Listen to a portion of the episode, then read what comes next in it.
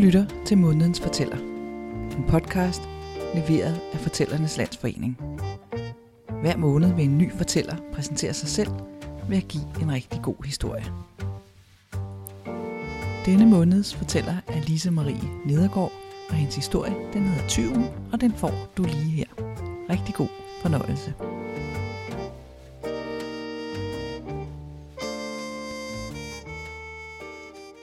I det nordlige Iran kom en tyv engang gående ned ad gaden i en lille by. Det var midt om natten. Rajabak hed han. Lille Rajab. Og han var på vej hen til lægens hus for at se, om der var noget, han kunne tilegne sig. Og så kom han til muren rundt om indergården. Han kravlede op, satte sig over skrevs på den og hang ned i armene på den anden side og lod sig falde. Men der i mørket var der noget, han havde overset. Der stak en pæl ud af muren, og den fik han i øjet, og han faldt ned i gården med en jammer. Men når sådan et uheld er ude, er det et stort held, hvis det er ude i baggården hos en læge. For lægen han vågnede op, og så kom han ud i baggården og fik øje på Retshabak, og så forbandt han ham sådan, som det var hans pligt at gøre, men bagefter, så tog han ham i kraven, slæbte ham hen til hoveddøren og gav ham et los bagi, så tyven trillede ned af hovedgaden. Og tyven han trillede lige til han trillede ind i maven på byens dommer. Og dommeren, han havde ikke fået en pæl i øjet, han havde en ordentlig kæppe i øret. Og nu så han på Rajabak. Øh, Rajabak, hvorfor kommer du trillende ned ad byens gade med kun et øje? Og Rajabak han tænkte, at han, han måske kunne få noget ud af dommerens tilstand. Så han stillede sig uskyldig an. Jamen, jeg var på vej indenom hos lægens, og så stak der en pæl ud af muren, og den fik jeg i øjet. Ja, den sag, den må vi til bunds i, sagde dommeren, og så slog han pegefingeren ned i håndfladen. Og så gik de sammen tilbage til lægens hus. Og de bankede på, og et øjeblik efter stod lægen der i døråbningen med skuldrene trukket helt op om ørerne og så betuttet på dommeren. Nå, læge, hvorfor har du en pæl til at stikke ud af muren? Det skulle vel aldrig være for, at den Chabak, som står her, skulle miste sit ene øje uskyldigheden selv. Ja, det er min mur, men at der stikker en pæl ud af den, det må I tale med muren om. Det var ham, der byggede den. Ja, så er det ham, vi skal have fat i. Vi var til bunds i sagen. Og så gik dommeren afsted sammen med Ratchabak mod murens hus, men lægen han var blevet nysgerrig, så han fulgte også efter. Og de fik muren banket op af søvne. Hvorfor lod du en træpæl blive siden i den mur, du har bygget til lægens? Det skulle vel aldrig være for, at Ratchabak, som står her, skulle miste sit ene øjehus gyldigheden selv. Ja, det er mig, der har bygget muren. Men at der sidder en træpæl i den, det er ikke min skyld. Det må I tale med tømmeren om. Han arbejdede der efter mig. Ja, så er det ham, vi skal have fat i, sagde dommeren. Vi må til bunds i sagen.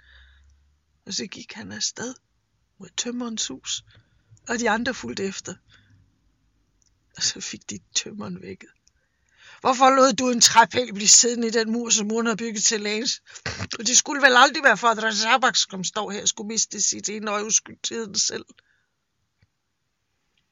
Ja, det var mig, der satte træpælen i muren, sagde tømmeren. Men at den blev siddende, det er ikke min skyld, for mens jeg arbejdede, så lød der den mest vidunderlige musik ud fra lægens nabos hus. Og jeg blev så fortryllet, at jeg glemte at gøre mit arbejde færdigt og lod træpælen blive siddende. Ja, så er det, så er det musikeren, vi skal have fat på, sagde dommeren. Vi må til bunds i sagen. Og så gik han mod musikernes hus, og de andre fulgte efter med, med vippende nathuer og vuggende tøfler. Og så fik de vækket musikeren.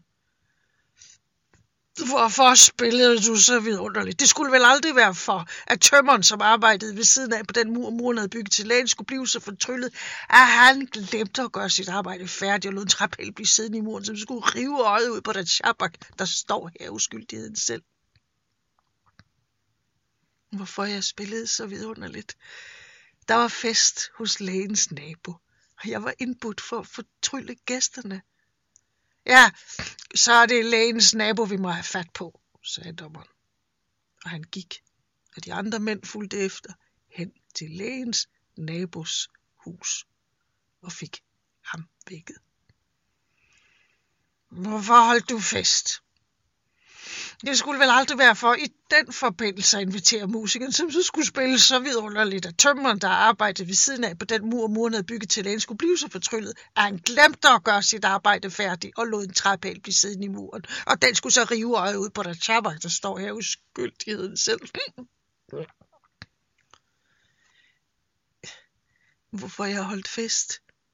Jamen, min søn skulle giftes. Derfor holdt jeg fest.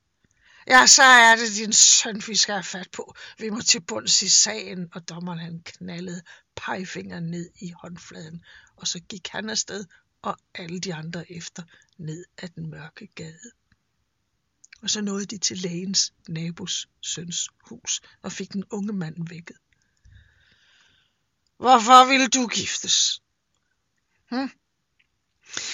Det skulle vel aldrig være for, at din far så blev nødt til at holde en fest, og i den forbindelse invitere musikeren, som så skulle spille så vidunderligt, at tømmeren, der arbejdede ved siden af på den mur, muren havde bygget til lægen, skulle blive så fortryllet, at han glemte at gøre sit arbejde færdigt og lod en træpæl blive siddende i muren, som skulle rive øjet ud på den tjabak, der står her uskyldigheden selv.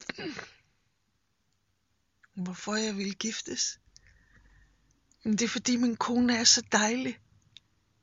Yes, her er det din kone, vi skal have fat på. Og så skubbede dommeren den unge mand til side, gik ind igennem huset, rev forhænget til side, og der stod den unge kvinde.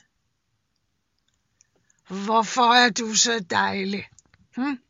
Det skulle vel aldrig være for at lokke din mand til at gifte sig med dig. Sådan så hans far blev nødt til at holde en fest, og i den forbindelse inviterer musikeren, som så skulle spille så vidunderligt, og tømmeren, der arbejdede ved siden af på den mur, muren havde bygget til lægen, skulle blive så fortryllet, at han glemte at gøre sit arbejde færdigt. Jeg lod en træpæl blive siddende i muren, som så skulle rive øjet ud på den tjerbak, der står her uskyldig. Selv. Hvorfor jeg er så dejlig? Jamen, det er en gave fra Gud. Ja, så er det ham, vi skal fa- Så er det vi må til bunds i... Der stod dommeren med pegefingeren over håndfladen. Og så kiggede han på Retshabak og på den unge kvinde og på de andre og så lidt op i loftet. Ja, så, ja, ja, så må jeg sige, at vi er kommet øh, ikke til bunds, men til tops i sagen. Herrens veje er urensagelige.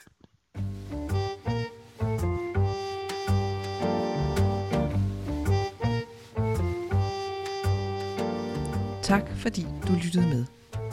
Vil du vide mere om månedens fortæller eller om fortællingen helt generelt, så kan du gå ind på vores hjemmeside fortæller i danmark.dk. På genhør i næste måned. thank you